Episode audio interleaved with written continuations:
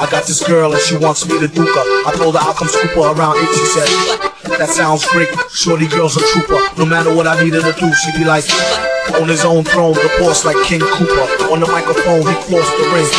Average MCs is like a TV blooper. MF Doom, he's like DB Cooper.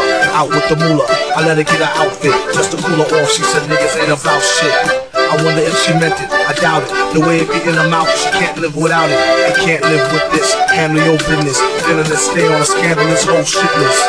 One pack of cookies, please, Mr. Hooper. It's fun smacking feet is the.